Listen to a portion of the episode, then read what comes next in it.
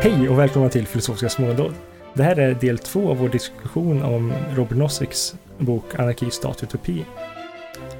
Som eh, jag själv är delaktig i tillsammans med Kristoffer, William och vår gäst Johanna. Ehm, det här tillfället kommer vi diskutera om ehm, om en stat, omfördelande en stat och hur, och hur moraliskt giltigt det är enligt, enligt Nozick. Del 1 har vi redan upplagt och jag rekommenderar att ni lyssnar på den om ni inte har lyssnat på den. Men det går såklart att lyssna på det här utan att ha lyssnat på den. I del 1 då, bara för att sammanfatta, så det Rob Nozick gör och det vi diskuterar är hans sätt hur han beskriver hur, vi, hur man kan gå från ett um, anarkistiskt tillstånd till en minimal stat på ett moraliskt legitimt vis. Um, ja, bara för att sammanfatta kort några begrepp om som kanske är värt att ha med sig. Till exempel, vad är en minimal stat? Kristoffer, kan du beskriva det? Just det, så den minimala staten är en stat som bara innehåller polis, militär och rättsväsende, det vill säga domstol. Så att eh, mycket av det vi svenskar förknippar med en stat som sjukvård och skola och så vidare, vägar och allt sånt, är inte inkluderat här då, utan det är en väldigt, väldigt eh, minimal stat som man kan höra namnet. Och vad skulle inte vara en minimal stat då?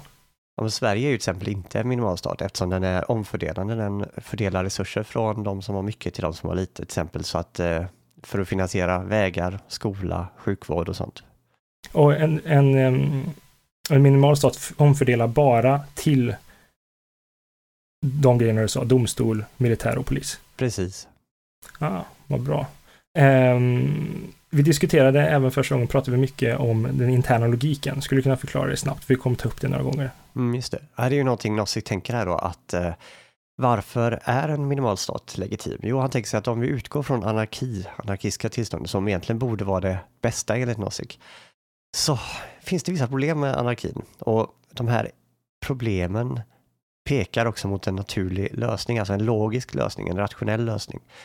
Och en sån eh, rationell lösning är att man grupperar flera, går samman och bildar en skyddssammanslutning så man gör en sorts pakt, överenskommelse om att man skyddar varandra och sådär.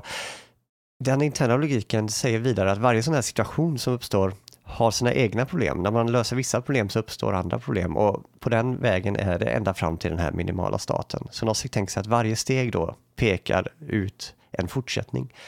Och efter en fyra sådana steg, beroende på hur man räknar, då hamnar vi i den här minimala staten. Och det är där vi slutade förra avsnittet. Precis. Och, och nu ska vi fortsätta in i diskussionen där vi diskuterar om varför Nozick anser att vi inte borde omfördela mer. Eh, så över till diskussionen som vi hade för ett tag sedan. Det var ju så det gick från ultraminimal till minimal, att eh, ja, men det är ju faktiskt bättre för oss. Om, om vi, vi kränker personer lite grann, men så kompenserar vi dem samtidigt och det kommer bli bättre för alla. Okej, varför inte köra vidare på samma resonemang då? Det är bättre för alla om de får en schysst sjukvård. Eh, varför inte då ta pengar från de som har möjlighet och så fördelar vi om resurserna så att även de som behöver sjukvård och inte har pengar får den hjälp de behöver. Det är utmaningen då. Varför, varför inte tillåta det?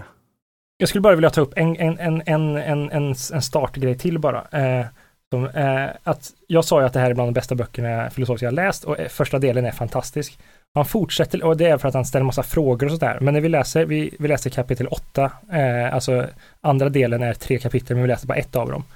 Eh, och han fortsätter med att ställa väldigt mycket frågor till sig själv och till läsaren som han inte svarar på alla. Och jag tyckte det blev lite för, han, ja, han tappar mig i sin, eh, i sitt i sitt filosofiska tillvägagångssätt. Jag tycker kapitel 8 som jag läst nu inte är lika bra som de tidigare kapitlen faktiskt. Eh, håller ni med om det? Jag vet inte riktigt om jag... Ja. Det är svårt för mig att avgöra för att eh, jag har ett mer personligt eh, problem där för att i del 1 så råkar det vara så att hans slutsatser sammanfaller med de slutsatser jag hade innan jag började läsa boken så att säga. Så att eh, förvisso gör han en väldigt bra jobb av att måla upp hur hemsk staten är och hur lockande anarki är. Men trots allt så landar det i en slutsats som jag är ganska bekväm med. I del 2 här nu då, kapitel 8, så går hans slutsats i konflikt med min förargumenterade slutsats. Alltså, min för... Alltså, Nozick för, för, förutsätt, för, vad heter det, förutspår i sitt förord att ganska många kommer att vara lite obekväma med hans slutsatser. Att många har en naturlig instinkt att det är bättre med en lite mer omfördelad stat som hjälper de svaga på bekostnad av de starka kanske. Och eh, han säger att ja, men jag förstår de reaktionerna, jag hade samma reaktioner från början, men jag lyckades övertygas av de här argumenten till att se bort från den här instinkten. Jag har inte riktigt lyckats, trots Nossiks fina argumentation här, har jag inte lyckats göra mig kvitt från den här initiala känslan av att det är någonting knep, någonting lite hårt med det samhället som målas upp här, någonting som är lite hänsynslöst kanske, trots att motivet här är att alla, all, vad säger man, till varje pris inte kränka människor, så blir resultatet ett ganska hårt samhälle där kanske folk kan fara illa ändå utan att någon aktivt skadar folk. Eh, jag, jag, kommer att tänka på när vi pratade om utilitarismen. Utilitarismen är ju så här, de säger att det vore väl käckt om allting blev så bra som möjligt. Och så när man hör det tänker man, hur kan det här någonsin leda till dåliga, alltså hur kan någon vara emot detta? Det låter ju som världens bästa. Men så när man hårdrar det då så kommer det vissa saker att ja, det kan vara okej att offra oskyldiga spädbarn, bara tillräckligt många blir lite gladare. Och så känner jag här också att när han säger från mig att det vore ju väl, vi måste väl respektera folks rättigheter, att inte döda folk och så här. Så, så blir jag så här, ja det är klart, herregud, det, det, det är självklart. Men eh, argumentationen här i kapitel 8 leder till ett samhälle där det inte är självklart att vi har en skyldighet att hjälpa folk som svälter till döds. Eh, min, min, om jag bara ska säga hur min... Jag tänker så här, ta en värld där några barn svälter till döds undernärda. Andra människor dör av övervikt. Eh, där är en väldigt ojämlikhet, alltså det är någon skev balans här. Och Nozick inleder det här kapitlet med att säga att den här tanken på jämlikhet, den sägs ofta. Liksom det räcker att man säger fakta så här att det är så här stor ojämlikhet, att så här få procent äger lika mycket som så här många procent i världen. Och bara genom att berätta detta så är säger de sig att då tror många automatiskt att alltså måste vi göra någonting åt det och att vi behöver ett eh, riktigt argument för att vi ska tycka att jämlikhet är bra. Men trots det så är det någonting med det här. När jag tittar på världen och ser att folk svälter till döds samtidigt som andra dör av äta för mycket. Att vore det då inte bättre? Har vi inte på något sätt moralisk skyldighet att se till att ingen dör av svält? Vad jag kan invända mot mm. är att bara för att man säger att staten inte har en skyldighet att ingripa mot det här så säger man ju inte någonstans om att ett civilsamhälle eller alltså människor emellan kan hjälpa varandra. Det är väl snarare att Nozick vill komma runt tvånget som staten faktiskt innebär. För med en omfördelande politik så tvingar vi faktiskt människor, alltså staten stjäl ju pengar, eller den rånar ju individer på egendom. Mm. Det och det behöver man inte, ja, alltså man kan ju fortfarande skänka pengar. Det är inte ja. som att det någonstans i Noziks bok står att välgörenhet är dåligt. Ja, alltså det är nästan tvärtom. Han mm. uppmuntrar mm. och tycker att det är, han säger någonstans att det är nästan så att vi kanske har en moralisk plikt att. Ja, ah, för där kom mellanpoängen, för det var dit, ja, jag hoppas det skulle gå. För att å ena sidan har vi kan, eh, ena ytterligheten när staten tvingar oss. Å andra sidan har vi individuella friheten att av egen fri vilja skänka till välgörenhet. Eh, men däremellan finns kanske, och det här tycker jag att Nozick är lite tyst om, finns det utöver staten en moralisk skyldighet? Det vill säga, det är inte staten som tvingar oss skänka, utan det är moralen som tvingar oss att skänka. Ja, men, oh, no, men, men för, för jag komma in nu? Ja. alltså, om det finns en moralisk plikt att skänka pengar, kan inte staten vara infrastrukturen på den här moraliska plikten? Uh, jo, precis. Det finns, uh, det är en bra poäng. Men det han säger är att vi kan fort, alltså, det skulle fortfarande inte vara det bästa. På grund av att vi kan fortfarande uppnå de här grejerna. Alltså nej, om, om, om, om vi skulle skapa en sån infrastruktur så skulle vi också kränka massa andra rättigheter som skulle vara moraliskt fel. Så att vi skulle uppfylla vissa moraliska grejer genom att kränka andra moraliska grejer. Men här är en uh, skillnad för att om vi bara köper negativ frihet, så tror jag inte, det här när vi säger att vi har en moralisk plikt att hindra folk från att svälta eller att lyfta folk ur extrem fattigdom. Eh, är inte det då en idé om en sorts positiv frihet, alltså en rättighet till ett någorlunda drägligt liv? Men vänta, okej, vänta. Jag vill bara, nu kommer jag på vad jag skulle säga. Alltså, nu har inte jag läst utopidelen eh, som eh, Johanna berättade om i början. Men alltså, som jag fattade, eller den känslan jag fick av boken var att att han, han säger, att han, han, eftersom jag tror han inte säger explicit, men han säger typ att eh, så här, ja, men det är ett kallt och hårt samhälle jag målar upp här. Um, Och det kanske inte är det roligaste stället att, att leva i, men det, det är det mest moraliska. Så att, alltså, att det inte är kul betyder inte, det har egentligen ingenting med moral att göra. Eh, och att, Kul att du tar upp utopidelen där, för att det, kommer faktiskt en twist där som kanske alltså, mildrar smällen. Så jag vet inte, för jag har inte läst utopidelen, men just den delen, alltså att han håller sig till att alltså de, moral, alltså de eh, negativa rättigheterna, så att säga, de är grundstenen i moralen enligt honom eh, antagen. Han berättigade lite med Kant-diskussion som vi, vi kanske kan komma in på alldeles strax.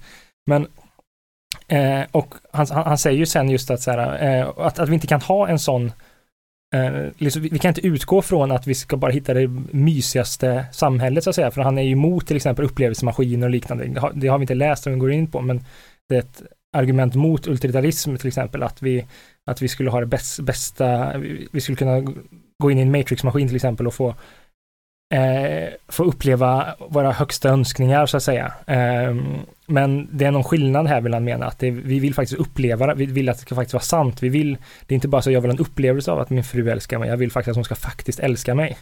Eh, och eh, vilket innebär att det inte bara är en fin upplevelse vi är ute efter. Så att, att omfördela kanske skulle leda till att vi skulle få det bra, mysigt och härligt på många sätt.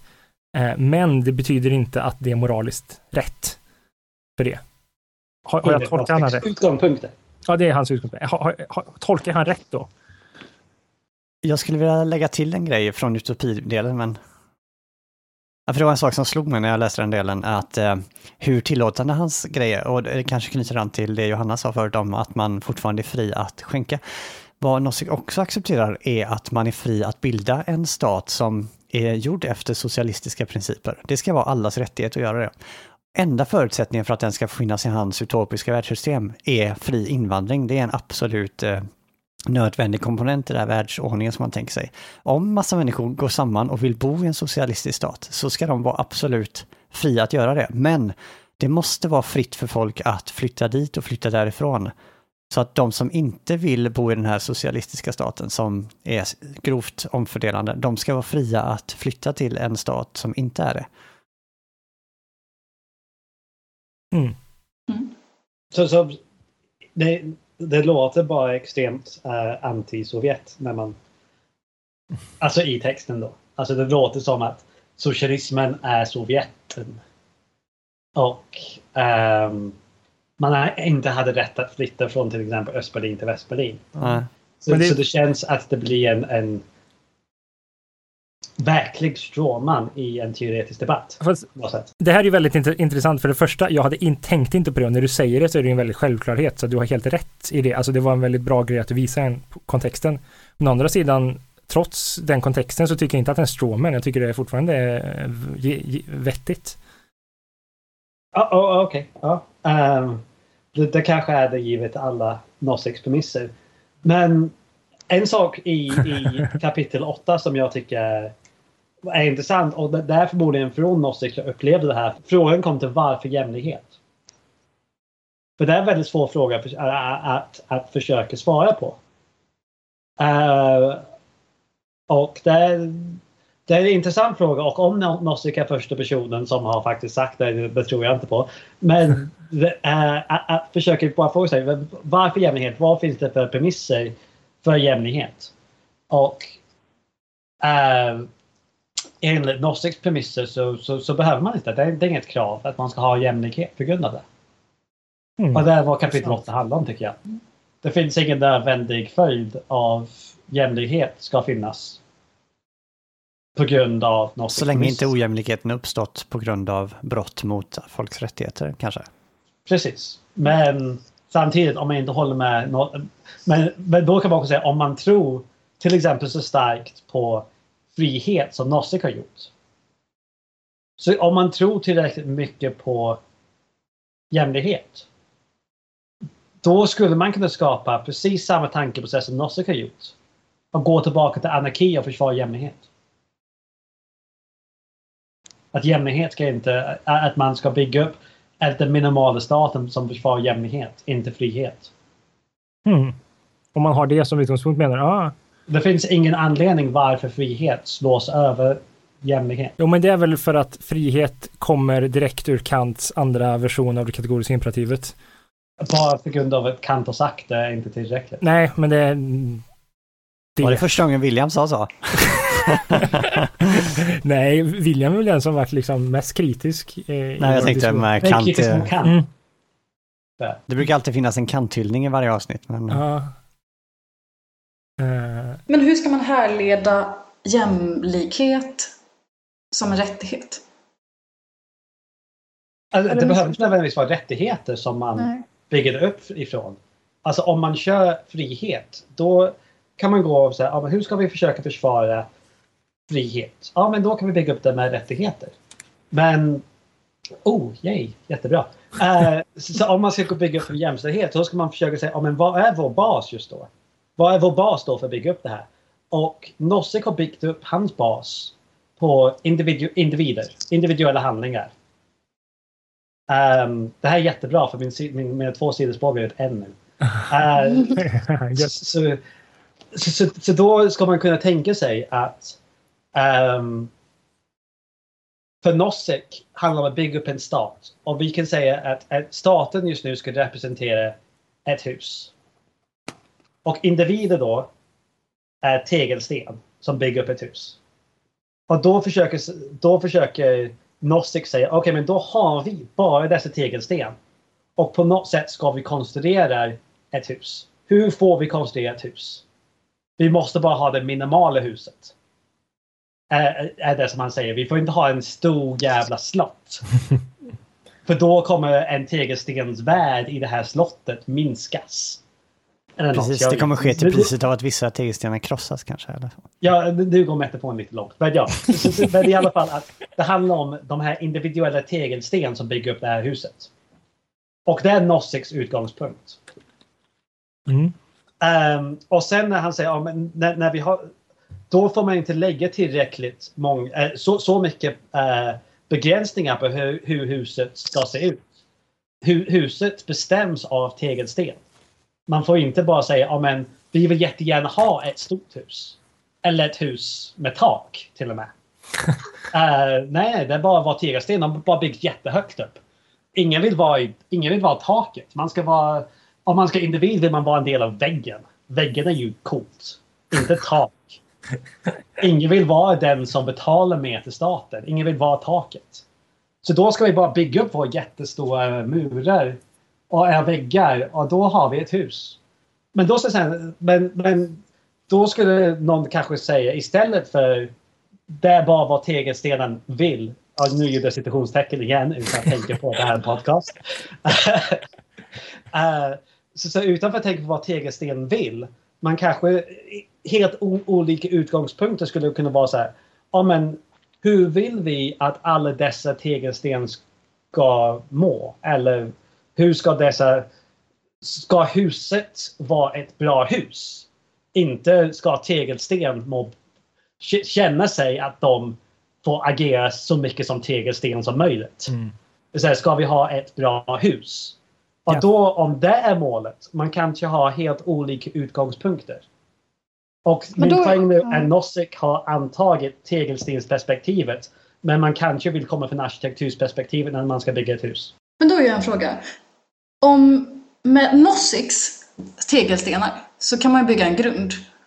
Men det finns ju ingenting som säger att man i den här, bland de här tegelstenarna, i den här grunden så att säga, kan bygga alltså andra arkitekturiska alltså delar av det här huset. Det vill säga man kan fokusera på jämlikhet och så vidare. Det vill säga man kan bygga socialistiska eller jämlika eller ja, jättekonservativa samhällen inom den libertarianska staten. Man kan ju inte göra tvärtom. Det vill säga, det blir mer auktoritärt att fokusera på jämlikhet än att fokusera på frihet. Så det är väl där man... Det finns ju ingenting i friheten som säger att man inte kan ha jämlikheten, men däremot tvärtom. Precis, och det är den här utopiska visionen om att de som vill ha bygga ett hus med tak, det vill säga ett socialistiskt samhälle, de ska få lov att göra det så länge de har öppna gränser där folk kan invandra och mm. utvandra hur de vill. Mm. Mm.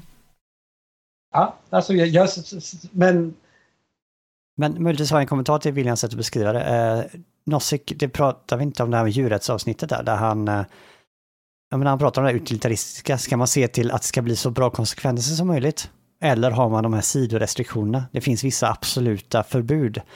Eh, kanske kan man förstå det William nu sa i de termerna, att när William säger att man tar arkitektens perspektiv så ser man bara till att vi ska bygga ett så bra hus som möjligt. Kosta vad det kosta vill, det ska bli så bra konsekvenser som möjligt. Nozick argumenterar via Kant här att eh, nej men det finns vissa sidorestriktioner. Det, vill säga, det spelar ingen roll om det här kommer göra att huset blir sämre, men det finns vissa absoluta saker du inte får lov att göra, nämligen att kränka människors eh, negativa rättigheter. De är liksom inte uppe för förhandling och eh, därför är de sidorestriktioner. Och det, är precis det jag menar med om man ska komma utifrån eh, tegelstensperspektivet är mm. man får inte man, man, måste behandla varje tegelsten ja. som ett sitt eget tegelsten. Varje liv är ja. heligt. Får jag bara göra en utvidgning? Jag bara ett eh, jag tänkte på en annan liknelse av, av i, istället för tegel. Jag har en vän som som har gjort ett helt fantastiskt eh, badrum. Eh, och det han har varit tvungen att gjort är att han har, haft jättekonstiga väggar så han har fått, eh, alltså när han kaklade var han tvungen att eh, slå sönder massa kakelbitar för att sen liksom slipa dem och lägga fast varje små skärva för sig så att vissa svåra delar inte kunde ha och enligt det här exemplet skulle man mena att vi, vi får bara ha hela kakelbitar så att säga, som hela tegelstenar. Men eftersom han hade helhetsperspektivet på att han ville ha ett bra och eh, ett, ett helt badrum där det inte läckte in vatten och som var snyggt och så, så att säga, mm. och alla andra estetiska, så var han tvungen att förstöra de här, tegelbe, äh, de här äh, kakelbitarna så att säga, så han, så han kunde använda små delar av det. Jag tyckte de här jämförelserna var ganska hjälpsamma faktiskt, men min jag hör vad William säger och istället tycker att Nossicks argument blir ännu starkare. Just det att, att mänskliga liv inte är till salu. Liksom. Det skitsamma om vi bygger en bättre stat, du dödar inte en människa för det. Ja. Alltså det Johanna sa tycker jag var en väldigt bra argument emot det här. Um, och jag kanske inte var helt beredd på det, för det var, det var en väldigt bra um, det, det, var en väldigt bra argument, men samtidigt, det säger, Uh, anledningen jag tog upp det här liknelsen var uh, från ett perspektivhåll. Och jag får återkomma lite senare. Jag, mm. jag ber om ursäkt. Jag tror Johanna hade en lite bättre argument där med. Yes! Äntligen någon som tar William, vad gött. Jag har hamnat så många gånger. Jag har fortfarande mardrömmar efter Berkeley-avsnittet. Där uh, tack Johanna. Nu ska jag ta med det här i mitt CV. Uh, vad bra, men vad hamnar vi då? Um, jo, men okej, okay, vi, alltså vi har, vi har Johannas argument här helt enkelt att vi, vi kan inte skapa det ena från det andra så att säga. Men, men alltså på vilket sätt är, alltså menar han att, eh, att fokus på jämlikhet eller mer än den minimala staten och de här rättigheterna faktiskt kränker rättigheter? Alltså vi har ju förklarat det, men hur, hur, liksom, hur, hur, hur får han, han säger att det inte finns några Litt William sa att det, alltså, så här, det är någonting vi alltid antar och som Kristoffer sa, att, så här, men man, man, kan, man hör direkt att, att det är något problematiskt när man säger att vissa dör av, av fetma och vissa dör av svält. Men mer än det. Ja, men vad, vad det här kapitlet handlar mycket om, det är väl en, ett svar på, på Rawls The Theory of Justice, som menar att alltså, här, man, man står bakom osynlighetens slöja och man försöker ha ett så bra utfall som möjligt för så många som möjligt och då blir det att man antar en omfördelande princip. Eh, men vad, vad Nozick då invänder mot det är att Rawls verkar hantera tillgångar som någonting som är givet, som någonting som är i princip manna från himlen. Han tänker inte på att det är någonting som faktiskt människor har producerat och skapat själva. Och här blir det en kränkning. Ah, nu förstår jag. Det var, eh, vi har nämnt Rawls några gånger och du sa, kan du beskriva Rawls bara? Eh, och um, okunnighetsslöja. Ja, vad, vad Rawls alltså, teori handlar om det är att man, man utgår från att man ska bygga en stat eller bygga ett samhälle. Eh, och de som ska förhandla om det här samhället, det vill säga de som ska bo i samhället, de ställer sig bakom en okunnighetens slöja, vilket innebär att de vet ingenting om sin egen bakgrund. De vet inte vilken vilken, vilken hudfärg de har, vilket kön de har, vilken, vilka tillgångar de har. Om de är smarta eller mindre smarta. Alltså så här, vilka, vilka egenskaper de har överhuvudtaget. Utan man är helt blank om sin egen situation så att säga. Och utifrån det så ska man komma fram till vad som är ett bra samhälle. Vad som är en bra stat. Och då blir ju, vad Rawls landar i, det är att man behöver ha ett ganska bra socialt skyddsnät, alltså en klassisk välfärdsstat. Och det här kritiserar Nozick Rawls för i och med att han utgår från att tillgångarna skulle vara någonting som, som står utanför individer. Medan det som tillgångar och egendom faktiskt är, det är någonting som är en negativ rättighet. Och om man bara tar den. Så... Är tillgångar en negativ rättighet alltså? Ja, men rätten till egendom. Ja, okej. Okay. Ja, just det. Ja. ja. Just det, det var det. Det är den utav rättigheterna jag tycker är svårast. Liv och mm. sådär. Och att man inte får skada folk sådär fysiskt. Det köper jag väldigt starkt. Men mm. att även att, att vi har samma rättighet till våra tillgångar. Det kanske är för att man är uppfostrad i ett, eh, en stat där det är så naturligt att betala skatt och sådär. Men jag har mm. inte lika starka intuitioner om, om det där. Ja, det, vad jag kan tycka är, eh, alltså det är svårt att försvara sitt liv om man inte får göra någonting med det. Um, alltså så här, om, om jag på något sätt producerar mat eller någonting som gör att jag kan utvecklas, då tycker inte jag att någon annan ska ha rätt att ta det.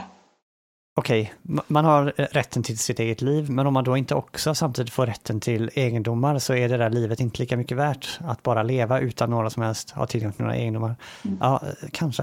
Det handlar ju också om att man äger sin egen kropp. Mm. Det blir också en egendom så att säga. Det är väl nästa steg. Så att säga. Vad man gör med kroppen. Det här är ju Locks argument egentligen. Men då hamnar vi igen i den här så här. Jo, jo, det, det är kul med ett trevligt liv, men men så att säga, det har ju, och det är kul om stat, om vi lever i ett ställe som skapar ett trevligt liv, men det har ju inget med moral, alltså så här, eh, då skulle vi kunna hamna i upplevelsemaskinen i slutändan, vilket fall som helst. Eller har jag missat något? Ja, för mig är det snarare en fråga om att om någon kommer och döda mig för bara sådär för hans skull, det, det skulle, Ja, det är svårt att prata om det, men eh, ja, det skulle inte vara bra. det skulle jag inte gilla. Eh, Likaså om någon kommer och skär mig med en kniv så här, för någon annans skull, det, det, skulle jag inte heller, det skulle vara jättestarkt motstånd med. Men om någon kommer och lägger beslag på 10 på det jag tjänar och skänker till folk som... De snor det för att göra som jag efter att jag fått förklarat det för mig tycker, ja men det där var ändå rätt vettigt. Så här. Jag skulle inte bli Alltså, jag skulle bli så mycket mindre upprörd över det så att det knappt ens går att mäta på samma skala. Vi, ja. Medan Nozick verkar... Ja. Men det är också det som... Som i sådana här debatter jag alltid så här, när folk säger ja men jag betalar alla mina pengar i skatt. En sak jag inte förstår är att man har inte fått den där pengarna än. Alltså det, det är en annan sak om så här, staten knackar på min dörr, min dörr och tog 10% av mina ägodelar. Mm. Det är en annan sak att säga att jobba i ett land där man blir skyddad, de har våldsmonopol och så vidare. Äh, enligt Nozick. Så att när man jobbar där så, så, en, så äh, arbe, arbetsgivaren betalar 10% till staten och 90% till dig. Det är inte dina pengar då, det är arbetsgivarens pengar. Det har aldrig varit dina pengar, ja, precis. Jag förstår vad du menar William, jag har också tänkt det. Eller det är kanske, ja. Johanna. Att säga det mitt äh, har jag alltid haft svårt för i vissa av de här skattedebatter. Mm. Men här kommer vi till alltså, rätten att äga sin egen kropp. För det, det jag gör när jag arbetar för någon annan, det är ju att jag faktiskt Alltså jag säljer ju dels min tid, men jag säljer framförallt vad min kropp producerar i någon mån. Alltså, oavsett om det är text eller om det är något fysiskt arbete så är det ju min alltså så här, min kropp som jag i någon mån säljer till någon annan för att jag vill ha något utbyte för det. Uh, om jag då inte får något utbyte för det här, då jobbar jag ju för staten alltså tvångsmässigt. Eftersom jag inte kan välja huruvida jag gör det här och då blir det ju slaveri. Det är ju det som... Nu är vi också väldigt nära marxismen just nu. Alltså du är mm. väldigt nära Marx och ta bort staten mot vinst just nu. Mm. Ersätt de två. Så ja. då blir det slaveri där med. Men, men där har man ju inte parametern frivillighet. Alltså när det kommer till staten så tvingas du jobba för staten. Om du inte betalar din skatt så får man ju använda det våldsmonopolet mot dig. Det får man, så, alltså, så, så, du känner inget tvång att du måste jobba? Man kan ju gå till en annan arbetsgivare. Alltså, det här är ju väldigt jo, men man måste gå till en likväl, ja, Du man blir måste... inte utsatt för ett våldsmonopol om du inte går till jobbet. Alltså att, att, att, vara slav åt olika människor betyder inte... Alltså, att, att, kunna välja vem man är slav till betyder att man inte slutar vara en slav. Man Men kan flytta till olika länder. Också. Eller här, det, det är ju frivilligt att jobba. Inom EU så kan man flytta till olika länder. Okej, okay, så tycker du att det är frivilligt att jobba? Om man inte väljer att jobba, är det ett viktigt val man har? Alltså en arbetsgivare kan ju aldrig använda våld mot dig. Det kan ju staten göra. Det är ju de basala skillnaden. Enbart för staten definieras som ett ha våldsmonopol.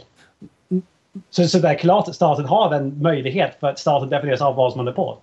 Uh, ja. Men, men och, och, och, om vi ställer om den här frågan, alltså och bortse från dagens situation också till situationen, alltså när vi just nu har vi en minimal stat i Nossiks eh, diskussion. Och om vi lägger, lägger samma fråga nu, så att säga, i, i den kontexten.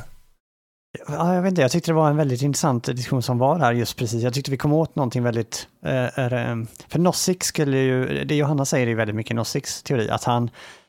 Det var det här subtila diskussionen om vad som är tvång och inte. Mm. Det faktum att man kan välja att svälta ihjäl, det gör att valet att jobba är fritt, är Nossiks sätt att förstå den termen. Eh, jo, men, alltså, ja, men, vad jag menar är alltså i, i, dagens situation där vi faktiskt har en, en, en rätt stark stat till exempel och där vi har ett system så finns det inte möjlighet att inte jobba till exempel. Men i Nossiks utgång, alltså där vi är i, i Nossiks eh, parallella... Nej, där finns heller där, inget alternativ att inte jobba. Vi jo. måste äta där också. Nej men du kan ju välja, alltså du kan ju vara idiot och välja att inte Alltså du kan äta gräs eller du kan göra, alltså du, du har en möjlighet att eh, ja, men Om du kan agera. äta gräs, då har du igen John Rawls manna från himlen, att det bara växer gräs från himlen. Nej men eh. alltså om, om du äger en bit mark till exempel och, och bara lever på det. Medan alltså, Medan idag så skulle du fortfarande vara tvungen att beskatta vissa delar av, av din mark och sånt där. Men det skulle inte göras. Eh, alltså, alltså jag vill bara ta bort, eh, alltså för det William säger håller jag helt med om i, i dagens fall. Du skulle ändå vara tvungen att beskatta militär och polis och domstol och sådär. Okej. Okay. Ja, okej, okay, ja, ja. Mm, okej, okay. okay. kör igen. Nej, men jag tror att det finns en fundamental oenighet här som vi säkert inte kommer att lösa i den här podcasten om vad ett fritt val är. Och det är också säkert den som gör att William, kanske också, är mindre benägen att skilja på negativa och positiva friheter på det sättet. Jag, jag, ja. ja. Uh, så, så, så, att bygga upp en stat på grund av en illusion att man har ett fritt val, när det finns ingen verkligt fritt val, men man kan ändå säga att det finns en illusion, är, är inte okej. Eh, okay. Jag, jag ser inte varför det är bättre. Nosse har det exemplet när han tar det här att, ja men tänk dig att vi har eh, 26 stycken människor, eh, par av eh, 26 min, kvinnor, ja precis, 26 kvinnor och 26 män och kallar dem A, A, A och A-prim eh, och bla bla bla och att vi har en fördelning på att eh, attraktivitet, både utseende och eh, sociala egenskaper, bla bla bla bla. Transitiv relation, så att A är snyggare än B och B är snyggare än C. Och då har vi en situation där ehm, eh, A helst väljer A-prim och B helst väljer A-prim och Z väljer helst A-prim. Men A-prim väljer helst A och så liknande. Och det kommer bli att A väljer A-prim, B väljer B-prim etc. Och till slut kommer vi till eh, kille och tjej Z och eh, Z-prim. Och de kommer bara ha ett val kvar att välja eh, en eh, äkta maka. Eh, men, och här är, är frågan i Williamianska termer, helt enkelt så här, men de har inte ett fritt val i det här fallet. De kommer få välja varandra eftersom de inte kunde välja, få välja någon av de andra. Men Nossik här menar, men de har ett fritt val för de har möjlighet att faktiskt inte välja varandra. Ja, och motsvarigheten här då, arbetaren som är så fattig att den inte har möjlighet att välja annat än skitjobb 1 eller skitjobb 2. Eller svälta till döds. Ja. Alltså det som kallas för free will på engelska. Det är en annorlunda begrepp, begrepp än free won't. De är två helt olika begrepp. Att säga, att identifiera fri vilja med, med, äh, med, med fri um, välj inte. De är helt olika begrepp. Att, mm. att säga free won't eller lika med free will är fel. Mm. De är inte samma sak. Och det här skulle då vara? Uh, och, och, precis på samma sätt. Alltså, okej, okay, de här människorna som ska välja sin, sin partner på grund av sin attraktionsnivå. Ja. Hur många av dem um, som jag tolkar det här exemplet nu. Jag kanske har tolkat det fel. Men det blir så att den mest attraktiv kille uh, parade ihop sig med den mest attraktiv tjej. Mm. Det fanns inget fritt val då. Så då har man parat ihop sig på grund, inte på grund av ett fritt val där, på grund av ett samhälleliga förväntan eh, och även en någon slags social konstruktion till och med att para ihop sig med den mest attraktiva person. Inte nödvändigtvis den, mest, den bästa person som skulle kanske uh, personlighetsmässigt där man är mest kompatibel. Där som man har bäst materiella villkor, där man skulle, tillsammans skulle ta hand om sina barn. Nej, man har valt utifrån dagens ytterligt samhälle att välja en partner utifrån deras attraktionsnivå. Om det var därför jag la in lite fler eh, ja, variabler. Jag köper inte riktigt den inne, för man kan bara lägga in fler variabler. Och om din poäng är att man aldrig är fri, alla val man gör styrs av så mycket, ja, men då, använder, då använder du av en sorts metafysisk frivilliga-begrepp. Och jag tror inte, om du menar att jag tror inte den är relevant här. För om man säger att vi aldrig är fria jätte, någonsin. Det, förlåt, det är jätterelevant om man pratar om frihet och grundar allting i personens frihet men det finns inga fria val. I så val. fall finns det ingen moral skulle jag säga. Eh, om vi aldrig är fria, jo. då kan vi aldrig hållas ansvariga. Vi kan, vi kan ha låtsasansvar. Jag tror att det Nozick behöver här för sin grej är bara en kom, vad heter det, kompatibilist-version av frihet. Där frihet, brist på frihet, är aktivt att någon hindrar dig. Sen om du metafysiskt, fysiskt är determinerad eller inte, det är liksom en annan sak. Att, att upphålla en illusion av att jag har ett fritt val och förhindrar att alla människor ska ha sjukvård som konsekvens låter lite absurd. Nej, men om, du säger, om din poäng är bara så här att det vi väljer gör vi av en, en anledning. Hade inte den anledningen funnits, eller det motivet funnits, hade vi inte valt det. Alltså är det inte fritt, så tycker jag det blir en alldeles nej, nej. för snäv. Jag, jag menar, det finns alltid andra... Det, det, att det finns... Varför vi väljer vissa saker är beroende på sjukt många variabler. Som säger jag väljer det här nu är naivt. Det är, det, alltså om man ska titta på varför vi väljer olika saker. Det är så extremt komplex. Att det finns väldigt många variabler som ingår i det, som sina känslor. Som, alltså, att bygga upp någonting i rationalitet överhuvudtaget är bara meningslöst och bara inte en empiriskt alltså berättigad version av hur människan fungerar. Jag tror Förlåt, att... alltså nu är det jättestora konsekvenser om jag drar mina egna personliga saker. Men så, så om man bara tittar på hur människan är i psykologiska experiment. Det finns absolut ingen empiriskt berättigande för det här bok. Eh, jag kan ändå se en klar skillnad mellan att vi väljer det vi gör på grund av olika psykologiska faktorer, bla bla bla, kontra att vi väljer det vi gör för att folk håller en pistol mot en och säger att du måste välja det. Eh, eller att lagar säger att det enda du får lov att välja är det här. Jag ser ändå en, jag har inga problem att se den distinktionen. Och det är väl den åsikt behöver. Okej, okay, men, men, men kortsiktsval mot långsiktsval till exempel. För att säga, okej, okay, jag ska bo i det här utopisk stat just nu kontra jag ska bo i det här icke-utopisk stat just nu. Jag har det här valet. Men man har ju också en, en måste välja mellan korttid och långtidsbelöningar som man får för sina val. Och de här två saker kämpas mot varandra ganska mycket. Ni tre känner säkert till den här videon om att man har en marshmallow framför sig hos barn. Där man, jag tror att jag har pratat om det här i en annan podcastavsnitt. Mm. Att uh, det finns barn, men man säger okej okay, om ni väntar fem minuter så kommer du få två stycken. Mm. Så rent rationellt så vet man att man ska få två stycken om man väntar. Mm. Många äter upp det här marshmallow.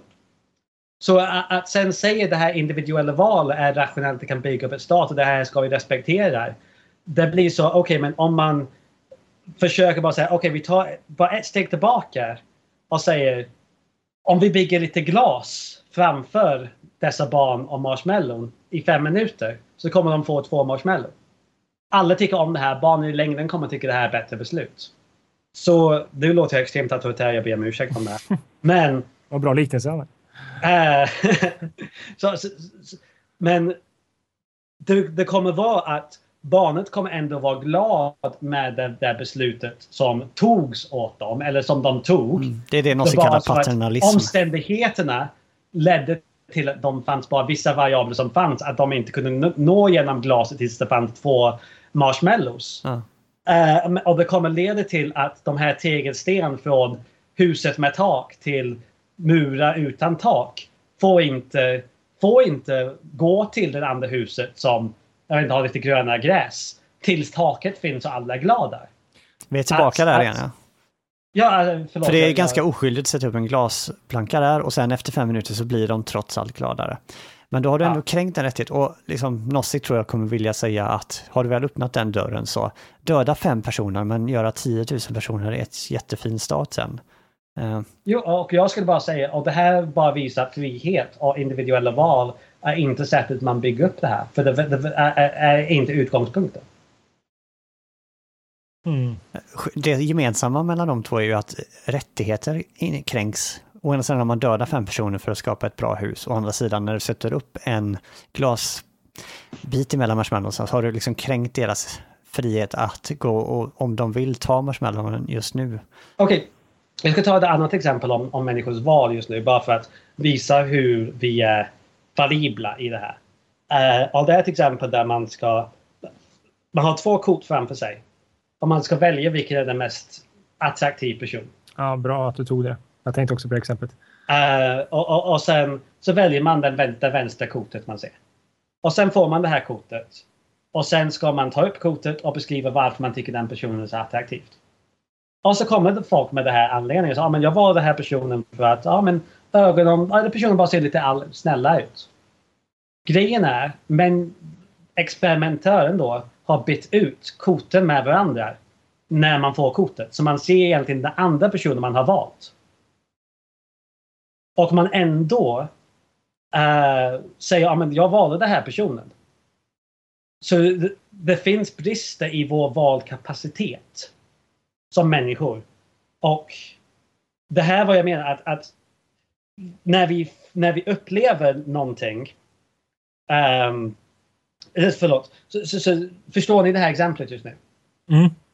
Förstår, men det var inte så här förut. Förstår Okej. Kristoffer och Johanna, förstår ni Mm. det här exemplet?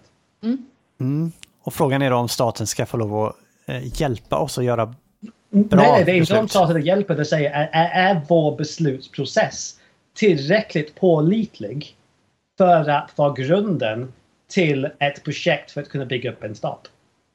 Men ja, eh, ska du fortsätta eller får jag bara säga en sak om det här? Jag är färdig. Okej, eh, alltså det som det här exemplet egentligen säger, alltså jag tycker det är jättebra att du tog upp det, men det det säger är att våra berättiganden kanske inte alltid eh, hänger med varför vi gjorde valen i slutändan. Så att, det, att, att vi, vi, vi, vi skapar berättiganden efter valen. Att vi väljer saker och ting och sen så berättigar vi valet efter det. Och det är oftast, om man har visat det här experimentet även med politiska åsikter, att man råkar, alltså när man man gjort liknande grejer när man väljer vissa åsikter i en fråga och sen helt plötsligt så efter man har valt det så, argumenterar, så, hittar man argumenten varför man valde det och liknande. Så att det här är ju en, en psykologisk tendens som är, eh, jag vill, ville säga universell men det vill jag inte våga säga, men den finns på väldigt många områden. Och Ja. anledningen att jag tog upp det väldigt snabbt Ja. eh, eh, är precis som det du säger. Så om man sen lyfter upp glas ehm, skivan som skyddar barnen för att äta upp marshmallon kommer barnen säkert säga det var mitt beslut att inte äta upp den. Tänkte jag då. Att, att Mm. man skulle ändå Alltså, säga det- det här var det jag ville ha. Exakt, jag, jag skulle ändå inte ha valt den. Så är det upplevd kränkning eller är det någon sorts objektiv mening faktisk kränkning som eh, du ifrågasätter här då? I efterhand så upplevde inte barnet sig kränkt, men ur ett objektivt eller tredjepersons synvinkel så blev de kränkta när de inte när de stängdes ute från marshmallowen. Nej, det är att vi är inte rationella djur. Det är det som det bygger upp på. Att vi eh, ibland ville ta det icke-rationella beslutet för att få kort njutning. Varför Men- ska vi men- inte få men- det? Är väl Nossiks fråga. Varför ska inte vissa få lov att vara irrationella och göra Mm. dåliga saker för sig själva? Mm. Han tycker inte att de ska, eh, att man ska hindra dem. Ja, det är en åsikt. Alltså för, för jag håller med här, alltså, alltså jag, jag, jag, jag, alltså jag har väldigt svårt, alltså när jag läste Nosse här så, så tyckte jag att det var, var väldigt jobbigt just för grund av att jag känner, känner mig lite för dålig insatt i ämnet för jag känner att jag följer med i en slippery slope i det han säger hela tiden och får hela tiden säga så här, ja men det, du har nog rätt, du har nog rätt.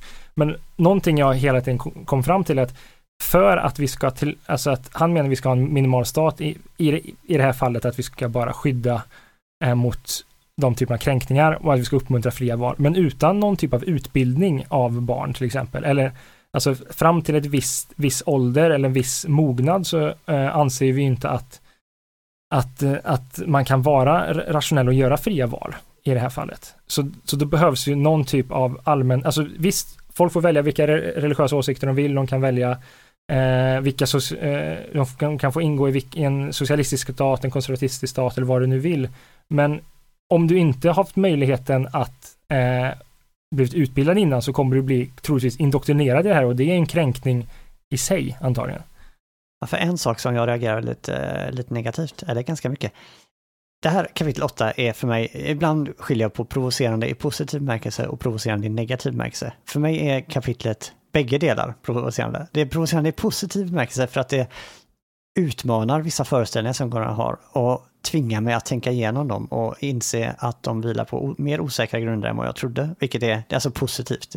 Men det finns också provocerande negativt negativ att ibland blir jag nästan lite förolämpad. Jag tycker ibland att han på några få ställen faktiskt ger uttryck för en lite cynisk bild av arbetare. Eh, till exempel, eh, han frågar sig i en fotnot på sida 325 att eh, apropå det här att företagare har mer. Och så frågar han, vilka var det som var vakna från början? Vilka var det som... Ja, det och det är precis det som William tar upp. Vilka var det som inte åt upp marshmallowen nu med en gång, utan sparade till sen och fick två marshmallow? Vilka... Ja, och då blir liksom arbetarna, det sovande folket, eh, som eh, bara går omkring och är lata och dumma och eh, jag tänker på eh, Marx kapital, faktiskt. Jag läste slutet på den i en historiakurs. Och där gör just Marx en empirisk undersökning av hur ojämlikheterna i England på 1800-talet faktiskt har uppstått. Och eh, den rådande idén då var att det var just så här att vissa var sparsamma och vissa var slös, slösaktiga. Men då visar Marx på väldigt, väldigt många exempel där det istället är övergrepp och våld som har lett till ojämlikheter. Jag vet inte om jag ska säga att all ojämlikhet idag är resultat av våld. Det, det tror jag, nej, det tror jag inte ens på.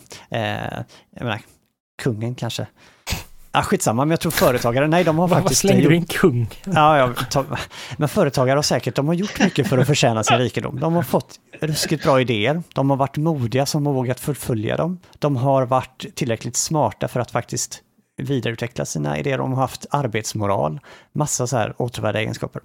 Sen har vi då, låt säga mig, som är eh, ointelligent, Eh, ful, illaluktande och eh, har en väldigt, väldigt dålig arbetsmoral. Jag sitter och slappar hela tiden till exempel. Och så får jag barn. Mina barn, alltså i och med att jag är så en fullständig odugling och väldigt, väldigt oattraktiv på arbetsmarknaden. Jag har inte valt detta, jag skulle jättegärna vilja vara jättemycket mer attraktiv på arbetsmarknaden. Men det råkade bli så att jag, det var min lott i livet. Och sen får mina barn, jag har inte råd att köpa så fin utbildning till dem i en stat där då. Så de får riktigt usel eh, förutsättningar i livet. Eh, och där kommer, har man en positiv rätt att få en schysst utbildning på bekostnad av andra? Liksom. Eller ska de, det blir att barnen faktiskt lider för min lott i det genetiska lotteriet. Där ser jag ett problem. En lite, det där jag tycker Nosek är lite, eh, jag vet inte vad, jag letar efter rätt ord. Cynisk är inte riktigt. Hård, kanske. Mm. Vad säger ni om det? Ja, men det här håller jag med om, för det är verkligen Alltså vissa, vissa förutsättningar eller möjligheter till att bygga sitt liv, det blir ju begränsat på grund av yttre faktorer. Och det är ju någonting som, som libertarianismen skulle kunna eh, alltså påstås kämpa ganska mycket med. Vad, vad jag tror att Nozick skulle ha hävdat, det är väl att man har inte bara pengar och alltså så här, ja vad ska man säga, mätbara hårda kvaliteter som någonting som man faktiskt har alltså som, som, som man kan eh, värdesätta så att säga. Utan man kan ju även så hävda att vissa familjer eller vissa individer har, har mer familjesamhörighet, man har annat som man, som man liksom mm. som, som, som, som bygger ett liv helt enkelt. Mm. Att, att det är ganska krasst syn att bara se pengar ah, och... Krass, såna, krass ah. det ordet, tack. uh, men, men jag håller med. Jag tycker det är jättesvårt att Alltså ursäkta varför alltså, man, man skulle bli begränsad i sitt liv för val som någon annan har gjort. Mm. Och det, ja. men Johannes sa det nu att Nozick var sympatisk mot uh, människor som till, till exempel jobbar och så vidare som inte har någonting att göra med pengar.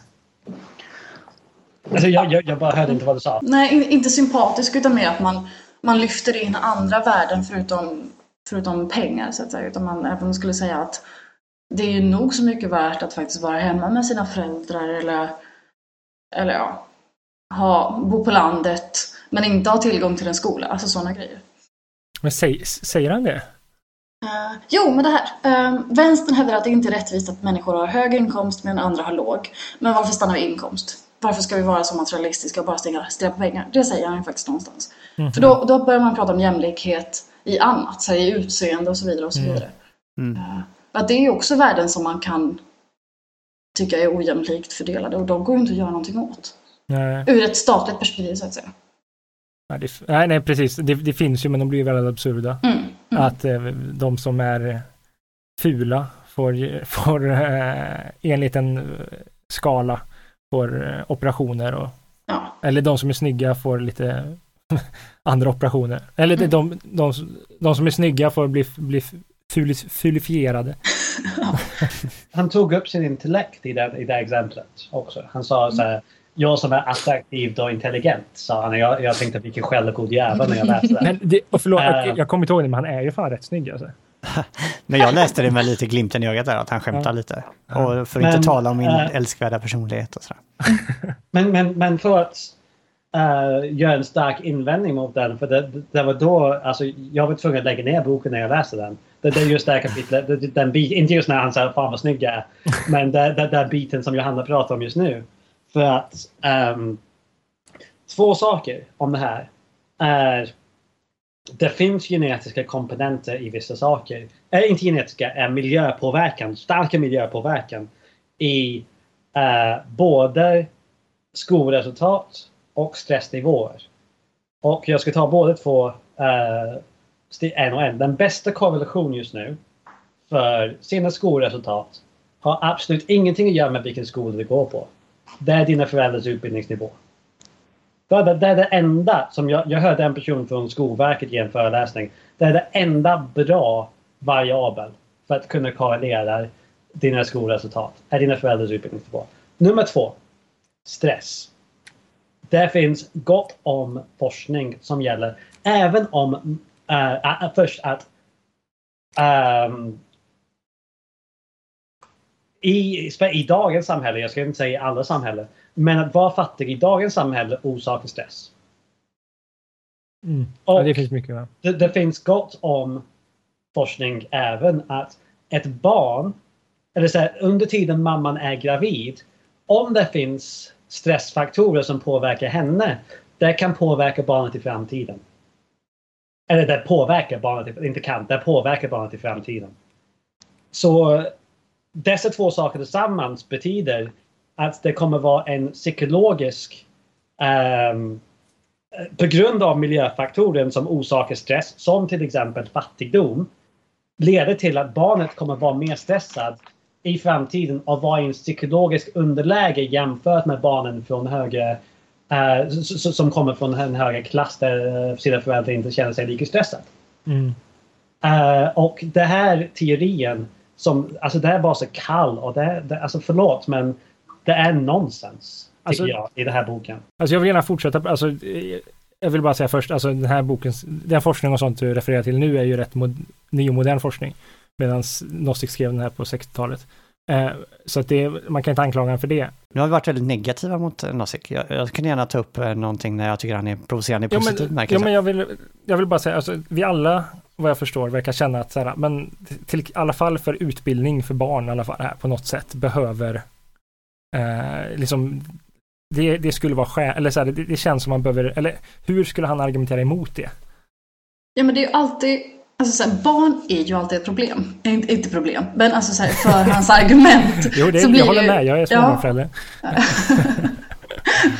det, det är alltid ett argument för att alltså, Noziks värld bygger ju på att det är alltså, rationella individer som gör kapitalistiska byten med varandra. När det helt plötsligt är någon annan som styr de här bytena, då blir det ett problem. När det är en tredje part som avgör barnet så är det ju inte barnet som har ingått i det här avtalet eller det här samhället så att säga. Um, Och det har ju de här teorierna svårt att förklara. Mm. Så han, han, han är lite för fast i sin abstrakta filosofiska modell helt enkelt för att kunna hantera sådana här grejer. Alltså, alltså just eftersom man utgick från premissen Mm. att alla är rationella, alla är fria och bla bla bla. Och då måste han fortsätta med det när han kommer hit. Ja.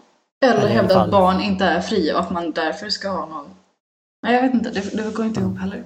Eh, För man får inte... Nej. Det Ja, blir... för han, han säger ju att det inte, eller så här, han menar ju att vi inte ska um, ha det. Mm. Så att eh, han tar inte upp det. Det kanske, på tal om barn, det kanske är ett av de barnen han, han väljer att inte bråka med. Mm. Eh, I, I så fall, alltså, om vi antar Nostiker har rätt här. Ska inte barn ha rösträtt? jo, det är sant. Alltså jag bara tänker av absurda konsekvenser. Jo, det, av det blir det. Det har, helt, borde ha rösträtt. har du helt rätt i. Till och med ettåringar ska ha rösträtt. Vad ska man ha röst- rösträtt till då? Rösta vad man ska göra med militärpengarna. Vem ska man invadera? Ja. Femåringen ska säga Ja. invadera Ryssland för de verkar elaka eller något sånt. Rösta till domstol kanske, vet inte. För det måste, för det måste ju fortfarande finnas val i det här va? Nej, kanske inte ja, måste. det behöver det ju göra. Eller det, det, är ju inte nödvändigt, men det kan Nej. ju göra Och, kanske inte nödvändigtvis ska vara demokratiskt hur det styrs men alltså vad sjukt, vad, här har jag hela tiden bara förutsatt att det är demokrati vi pratar om. Men det är ju, så han inte ens nämnt det någonstans. Det är bara mina, mina fördomar, mina, ja, men demokrati är ju det vi alla ska prata om. Eller det vi alla förespråkar. Men får man ha ett totalitär... Får, får det, alltså, om det var en totalitär person som bestämde över vad man skulle göra med alla dessa kränkningar mot rättigheter. Skulle det vara ett problem för Nozick? Alltså det känns som det skulle vara ett problem. Men det Ja. kanske inte är det. Jag tror att så som totalitära regimer definieras är inkompatibelt med Noziks system. För att Ja, där okej. råder inte de här skyddet av de här eh, rättigheterna. Å andra sidan, i och för sig, staten ja. får ju... Ja, ja. Även, även demokratier kan ju vara problem mot negativa rättigheter. I så fall. Ja. För då kan man ju rösta för någonting som är gravt kränkande. Så det är ju inget skydd heller. Mm. Å andra sidan, så länge vi har fri, så länge vi har fri invandring och utvandring så skulle det kunna vara legitimt. Ja, det är mycket sant. Mm. Men för- för att kunna ha så här fri in och utvandring i den här ideala världen. Ja, Behöver man inte typ oändligt antal jord där man skulle kunna bygga upp sitt så här, perfekta samhälle. Men om just till exempel idag. Det finns inga fler platser i världen där man kan bygga upp ett nytt samhälle. Ja, visst är det så. Så, så det känns lite så här ett felaktigt argument där. Fast vänta bara tills vi, eh, vi kan komma ut i kosmos. Då, då håller det igen. Eh, jag inser att... Men om- varför kan man inte bygga nya platser där man redan har platser? Eller bara reformera dem så att säga? För det skulle, alltså, länder skulle ta det som en invasion. Alltså Ja, om men jag bara- skulle bara säga att 500 meter ifrån där jag bor just nu, det är en ny stat. Jag tror Sverige skulle bli lite, antingen bara så här, fan vilken galning, eller Nej, Alltså, eh, det, det är inte problemet. Problemet är att eh, vi kommer att vi har för många individer och för få eh, stater. Så att in, det skulle finnas vissa individer som inte skulle kunna hitta något ställe de skulle kunna flytta till som det inte...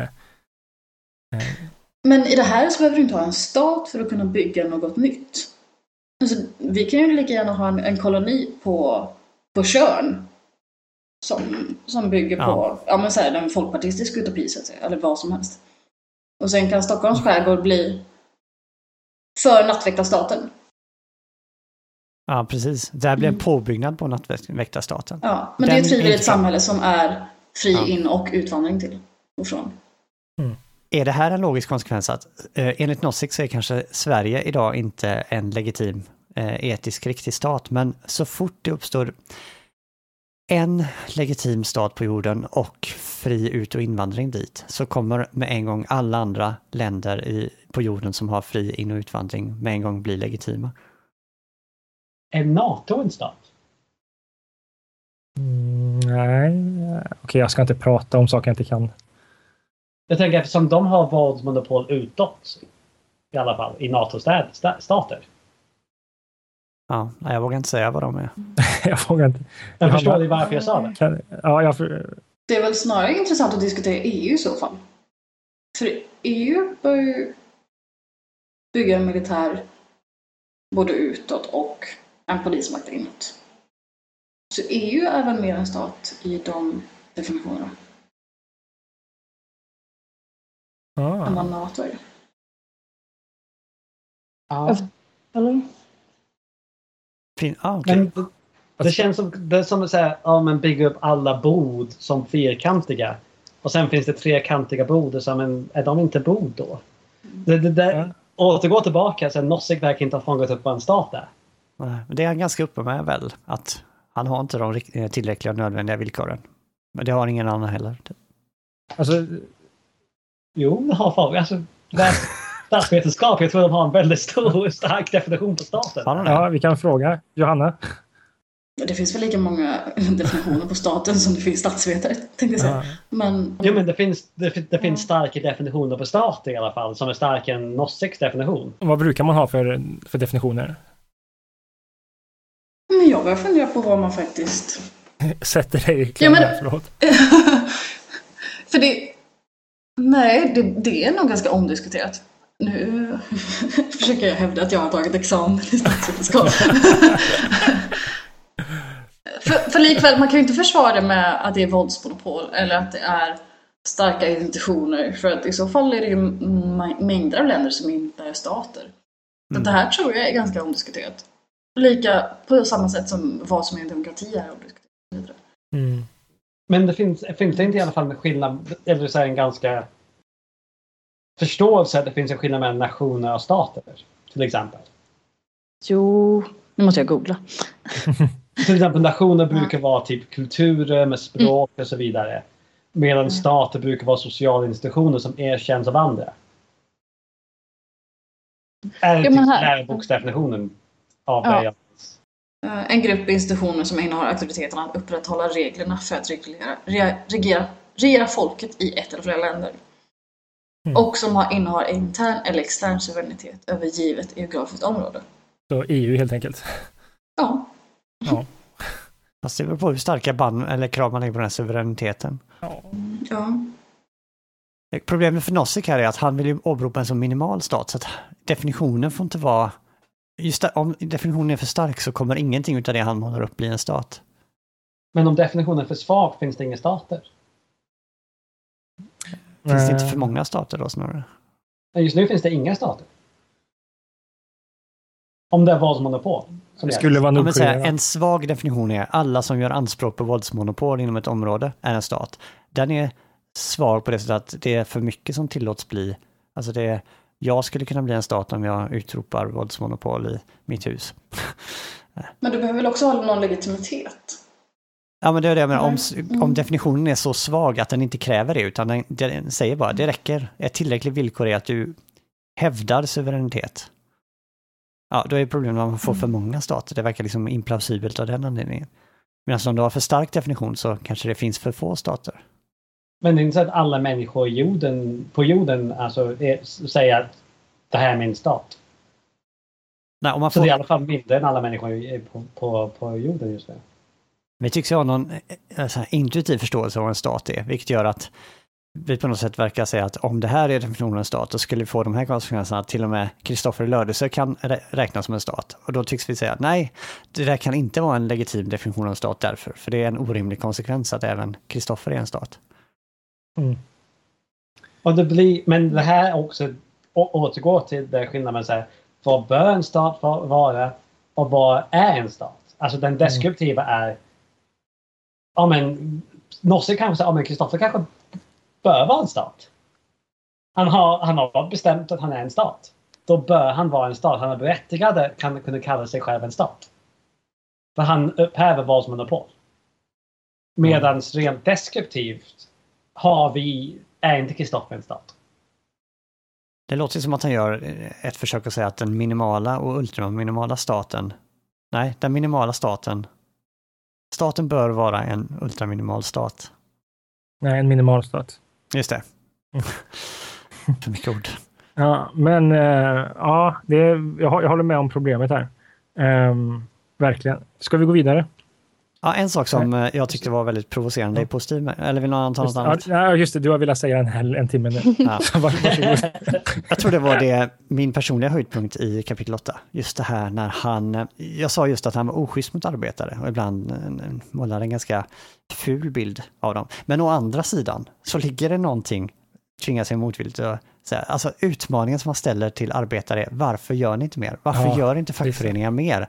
Varför ligger vi hela tiden steget efter och liksom gör allting på arbetar, arbetsgivarens villkor och säger nej men ni, ni, borde verkligen göra det här bättre och ni borde göra det här bättre och försöker så jobba på dem.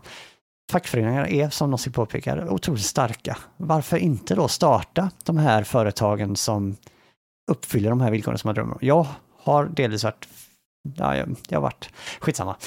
jag har fått inblick i fackliga organisationer ibland och jag kan hålla med om att de är starka och det finns ofta så tankar som säger att hade vi haft bättre arbetsmiljö, visst det hade kostat mer, men vi hade ändå tjänat på det för att folk hade mått bättre, hade man jobbat bättre och det kommer en massa så här som är nästan marknadsekonomiska synpunkter att hade arbetsgivarna varit schysstare så skulle alla tjäna på det, både arbetstagarna och arbetsgivarna.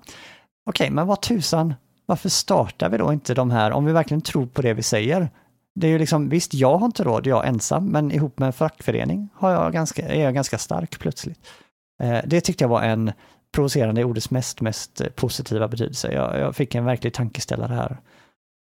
Hur reagerar ni på dem, på det stycket? Det var väldigt bra. Jag minns, jag försöker leta upp, jag minns också, jag tyckte det var väldigt intressant. Problemet är, ett par tillfällen där så gör han eh, några väldigt dåliga argument. Alltså han gör flera bra, -huh. men eh, det var, jag ska se om det, eh, jag ska läsa och ska jag se om jag, eh, om vi ska klippa det inte. Eh, det som inte vill ta risker känner sig ofta berättigad till, nej det var en annan grej. Um, ja, fast det hör dit också. Okej, okay, okay, men i alla fall han säger, det som inte vill ta risker känner sig ofta berättigade till belöningar från dem som gör det och vinner, men endast anser sig inte skyldiga att, att hjälpa genom att dela förlusterna med dem som tar riskerna och förlorar.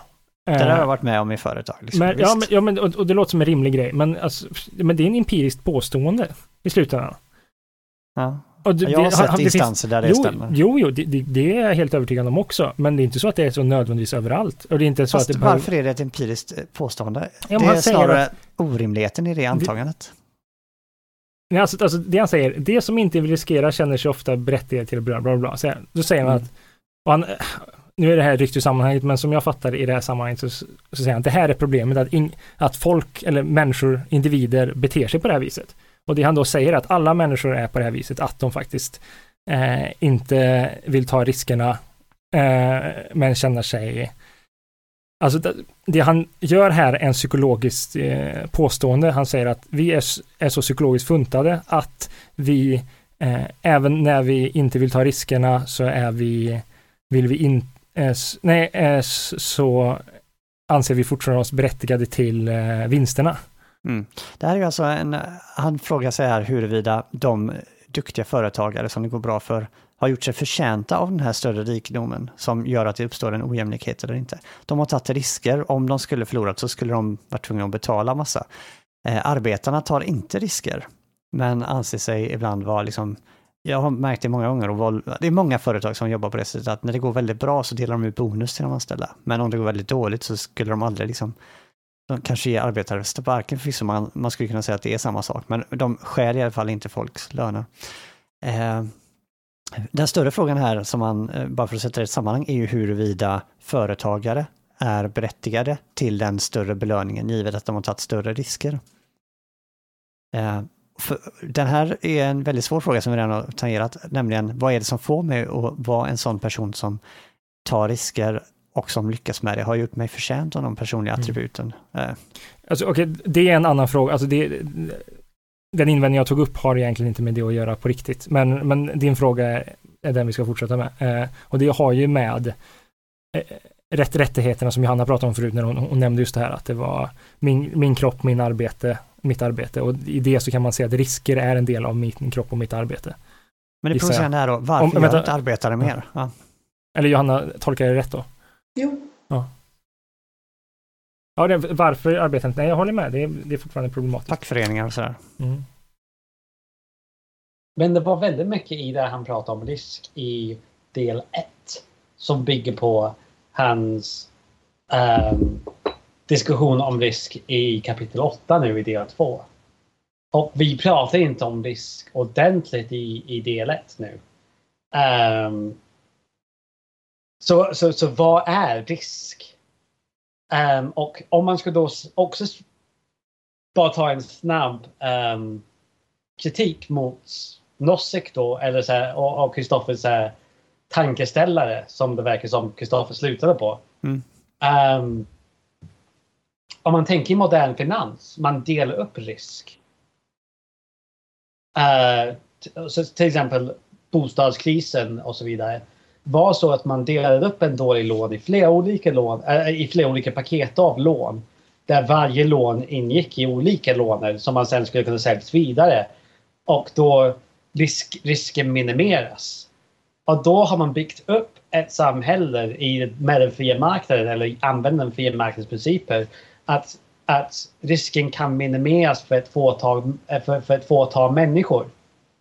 Och på så sätt alltså bygga upp ett, ett system som säger att ja, de som tar risk får, får väl alla, alla belöningar. Men om det kan utvecklas till vissa människor tar väldigt, väldigt lite risk och får massa belöningar. Mm. Och där andra människor är inte ens kapabla att ta en risk. Mm. Till exempel jag som saknar kapital kan inte ta en risk. Nej, det var min naturliga invändning också. Oj, för tio år sedan, om en app, det låter gött. Jag vill satsa jättemycket pengar på dem för tio år sedan. Men jag hade ingen kap äh, kapital för att göra det. Nej. Men jag kanske så här, hur gammal 18-åringen William skulle älska, nej, 16-åringen William skulle älska att satsa på appen. Mm. För tio år sedan. Ja, men det var en naturlig invändning jag hade när jag läste också, men problemet med det är ju att Nozick accepterar det och säger att jo, men tillsammans är arbetare starka. Fackföreningar har det där kapitalet. Jo, men då måste man ta kollektivbeslut och då behöver man en möjlighet till kollektiv dynamik ja. i sina argument som Nozick totalt saknar. Fast kommer vi inte fram till att det fortfarande finns i Nozicks argument? Att han tillåter det i en... Frivilliga uppgörelser och det är så ja. skyddssammanslutningar uppstår. Men alla ska agera individualistiskt enligt Nozick här. Så, så, så, då skulle jag kunna säga, om en, jag vill, så, så, om en fackförening ska ha ett möte och bestämma och säga ah, jag är osäker om jag vill ta den här risken. Och vi säger jo, men vi ska ta den här risken. Det kommer inte vara lika beslutsfattande, inte lika bra beslutsfattande organ. Uh, på grund av att alla agerar egoistiskt inom, in, inom den här fackföreningen. Problemet är att många tror ju på demokratiska företag och kooperativ och sådär.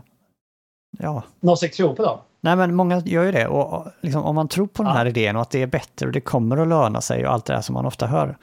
Eh, ja, men varför inte göra ord till handling eller gå från ord till handling? Saknar samma tillgångar. Vad sa du nu William? Man, man, man, alltså det är inte en... Man saknar samma tillgångar. Alltså det är inte en... en uh, det, det, är inte en rättvis plan. Till exempel, okej, okay, vi säger så här. Jag vill starta ett telefonbolag idag. Vad ska jag göra? Ringa riskkapitalisterna. Bill Gates vill starta ett telefonbolag. Vad gör han? Ringer sig själv. Ja, så, så det finns en skillnad över vad man kan göra fast, med vad man har. Fast okej, okay, alltså visst, visst jag, jag, jag, köper en grej med, med alltså vissa individer har mer kapital, men också pratar ni om att vissa företag kan utvecklas och utvidga, eller jag vet inte om man säger det, men vi skulle kunna se det där och där ser vi att det är en, det är en styrelse och, och liknande som, som fattar beslut. Och de är ju, alltså det är, det är fortfarande en grupp in, individer som beslutar där och på samma sätt är ju bara ett, en fackförening bara en större grupp individer. Så att principiellt... Alltså... men, men, individer gäller inte tillgångarna. De få människorna i, i, i, i bolag och, så, och styrelser och så vidare, bolagsstyrelser, mm. uh, har mer tillgångar än vad alla, om alla, 80 procent av Sveriges befolkningen sa nej, vi ska investera i, i bra sjukvård idag. Vi ska starta ett sjukvårdsbolag. Och sen då alla andra 20 procent, eller ännu mindre, startar ett annat företag. Vilket företag tror du skulle vinna? Nej, vi, alltså som sagt, Vilka har mest tillgångar för att kunna skapa ja, fast, bättre, bättre, reklam? Fast, fast som, men som sagt, du sa bättre reklam, men inte, det behöver, behöver inte vara det. Alltså, när vi snackar om homopati. Alltså, alltså som han sa också, att viss, vissa kanske skulle föredra att, eh, att just stödja en kooperativt sjukhus än, än ett eh, riskkapitalistiskt sjukhus helt enkelt. Jo, men det är också och, och, ett känd taktik och, av till exempel Walmart i USA. Mm, um, när de kommer in och ska konkurrera bort lokala företag. Mm. De har ingenting emot och det har Mediamakt gjort i Sverige till, mm. exempel. Mm. Eftersom de är ett stort internationellt företag där äh, globalt får de vinst. De, de kan gå i förlust någon annanstans där de får en stora del av marknaden så andra går i konkurser. Uh, och sen kan de be behöver inte pressa priserna lika mycket när andra gått i konkurs. Uh, så, så då skulle det vara möjligt att de här topp 10 procent av som ska starta sjukvårdssystemet kan pressa priserna för att de har 80 procent av tillgångarna. Alltså jag hör vad du säger. Eh, jag tror, eh, och i dagens läge så gäller säkert det du säger i mångt och mycket. Och jag, eh, men det som Kristoffer tar upp där att alltså det finns rätt mycket Alltså, alltså det finns potential som faktiskt inte ens testas. Alltså det är en sak att det faktiskt eh, eh att det faktiskt sker så, men men det Nossix tar upp här att det, alltså det, det är så mycket, så stor potential som inte ens testas här. Man får eh. ofta höra just det här positiva om att det faktiskt skulle gå bättre för företag som använder de här mjukare principerna. Och om man verkligen tror på det, varför kör man inte? Eh, jag upprepar mig bara. Ja. Som jag sa, det skulle ja. kunna konkurreras bort. Ja, det, sk det skulle det. Och det sk ja, alltså, ja, vi, vi kommer bara upprepa argumenten igen. Det var, det var mitt argument mot. Vad säger Johanna? jag var så nöjd med att bara lyssna på den här konversationen. Nej, nej men en sak jag funderar på, nu, nu kommer jag gå tillbaka till, till om det är tidigare kapitel. Uh, ja. men, men det är inte det är inte orättvist att man inte kan investera i den bemärkelsen att alltså det är inte en så länge det inte är ojämlika val eller orättfärdiga val som ligger bakom där så behöver det inte vara orättvist att någon kan investera medan någon annan inte kan göra det. Eller? Då är vi tillbaka i här, den här listan med de här attra ja. olika attraktiva och huruvida det är mm. ett fritt val eller inte. Ja, precis. Ja, det, det är mycket hänger på det, svaret på den frågan. Um, precis, och, det, och då kommer vi om. Uh, ska vi försöka, ska vi ta något, ska vi gå till något mer här, till exempel meningsfullt arbete eller hans diskussion om Marx exploatering eller om um, icke-neutrala staten eller vad? Ska vi ta en bit till innan vi avslutar? Inte Marx. Marx, vi kan ta Marx i en mening. Han, vi, vi pratar om i, i Marx att, att det finns en skillnad mellan pris och värde. Mm. Nozick förstår inte. Ja, jag tycker han tar upp mycket av det vi kritiserade Marx för. Jag tyckte det var väldigt kul att se hur eh, Nozick gör flera av de poängen vi också gjorde. Eh, jag, tyck, jag är fortfarande inte helt övertygad om den här diskussionen om pris och värde. Eh, jag minns att det fanns två vägar att gå där. Eh, huruvida de sammanföll eller inte. Det är ett problem för marxismen, men eh, att säga att de är lika med varandra är inte marxismen. Och Nozick gör en ekvivalenstecken mellan de två. Och det finns inget sätt man kan säga, i, i marxismen så är de inte ekvivalenta. Ja, När jag läste det här avsnittet i Nozick. Och i Nozick så är de ekvivalenta. Jag kände att det inte framkom någonting nytt i det här biten på Nozick angående Marx, eh, kritiken av Marx värdeteori som vi inte redan har diskuterat i Marx-avsnittet. Jag har personligen inget behov av att diskutera detta, okay. förutom Nej, den aspekten som mm. vi redan har diskuterat, fast vi gjorde det istället med fackförening-grejen. Och man kan göra mm. samma poäng och Nozick gör det med avseende mm. på meningsfullt arbete eller inte. Um, nej, jag vet inte vad... vad alltså vi, vi, har ju sagt varför han inte vill ha mer än en minimalstat. Uh, det känns som vi inte Personligen är jag väldigt nöjd och jag tycker att vi har fått med alla de sakerna som jag såg som jag tyckte var viktiga och jag tycker vi också etablerat var de viktiga skiljelinjerna går, till exempel mm. huruvida vi ser på ett fritt val eh, det här med de olika attraktiva människorna. Jag tror inte, vi kan inte lösa det oavsett om vi spelar in en timme till. Nej. En, en sak som vi kanske inte behöver ta upp, men som jag tyckte var lite intressant, det här när han pratar om min rätt till yttrandefrihet kränks inte av att eh, folk inte får lyssna på mig.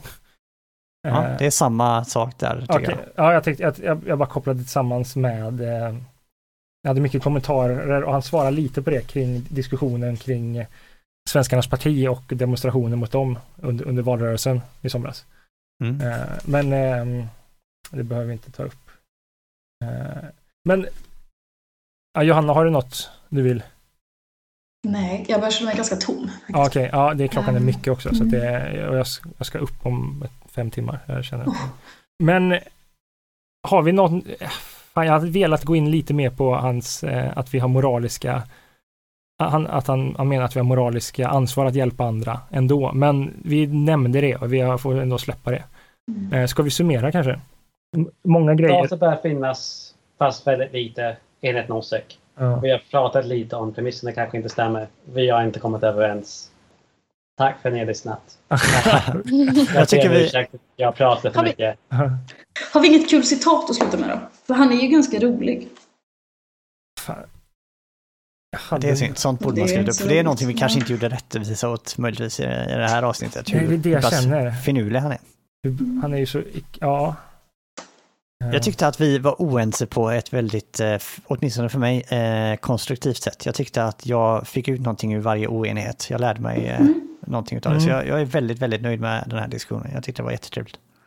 Ja, det har gått fort. Tycker jag. Ja. Det har varit väldigt roligt. Ja, vad kul. Mm. Vad, vad, vad, tyckte du om att vara med Johanna förresten?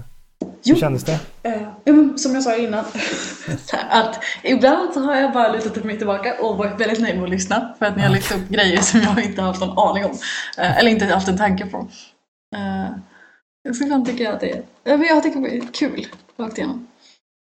Ja, vad roligt. Det har varit väldigt, alltså, tagit upp vissa grejer som jag absolut inte hade tänkt på innan eller hade kunskap innan. Och dessutom så argumenterade du mot viljan på ett ställe som, var, som jag aldrig lyckats med hittills. Det är, bara det är ju bra.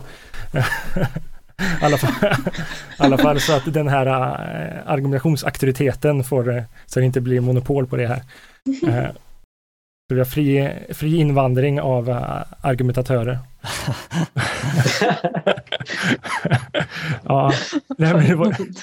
men, alltså, för då, alltså, jag tycker också min... Att jag inte var tyst ett tag var kanske på grund av det här. okay. Uh, att mitt ego kändes för sårat. Att jag bara säger handskarna av och jag ber om ursäkt. jag försökte vara pedagogisk och jag var så här fritt fram elakt. Socialismen är bra. um, men det är någonting som är väldigt viktigt. Jag lyssnar på lite som, som sagt podcast och föreläsningar om liberalism om det här och ingen libertarian verkar köpa Nozick. Eh, även Nej. om de har mycket inspiration från honom. Så att, eh, mm. Och jag kan tycka att det verkar vara lite syftet med Nozick också, att han inte vill presentera färdiga lösningar så att säga. Nej, mm. det är första ordet men inte sista. Precis, förordet mm. William, det är bra. Eh, men vad bra. Förlåt, nu, nu är det dags att sluta. Eh, tack så jättemycket. Jättetack. Just det, vänta. Uh, nästa gång, Kant. Uh, Prolegomena ska vi läsa. ja, det får bli så. Nu är jag, nu är jag slut. Tack Johanna. Tusen tack för, ja, tack, tack, tack, tack för att jag fick vara med. Ja, självklart. Det var jättekul. Okej, okay, nu, nu stoppar vi inspelningen.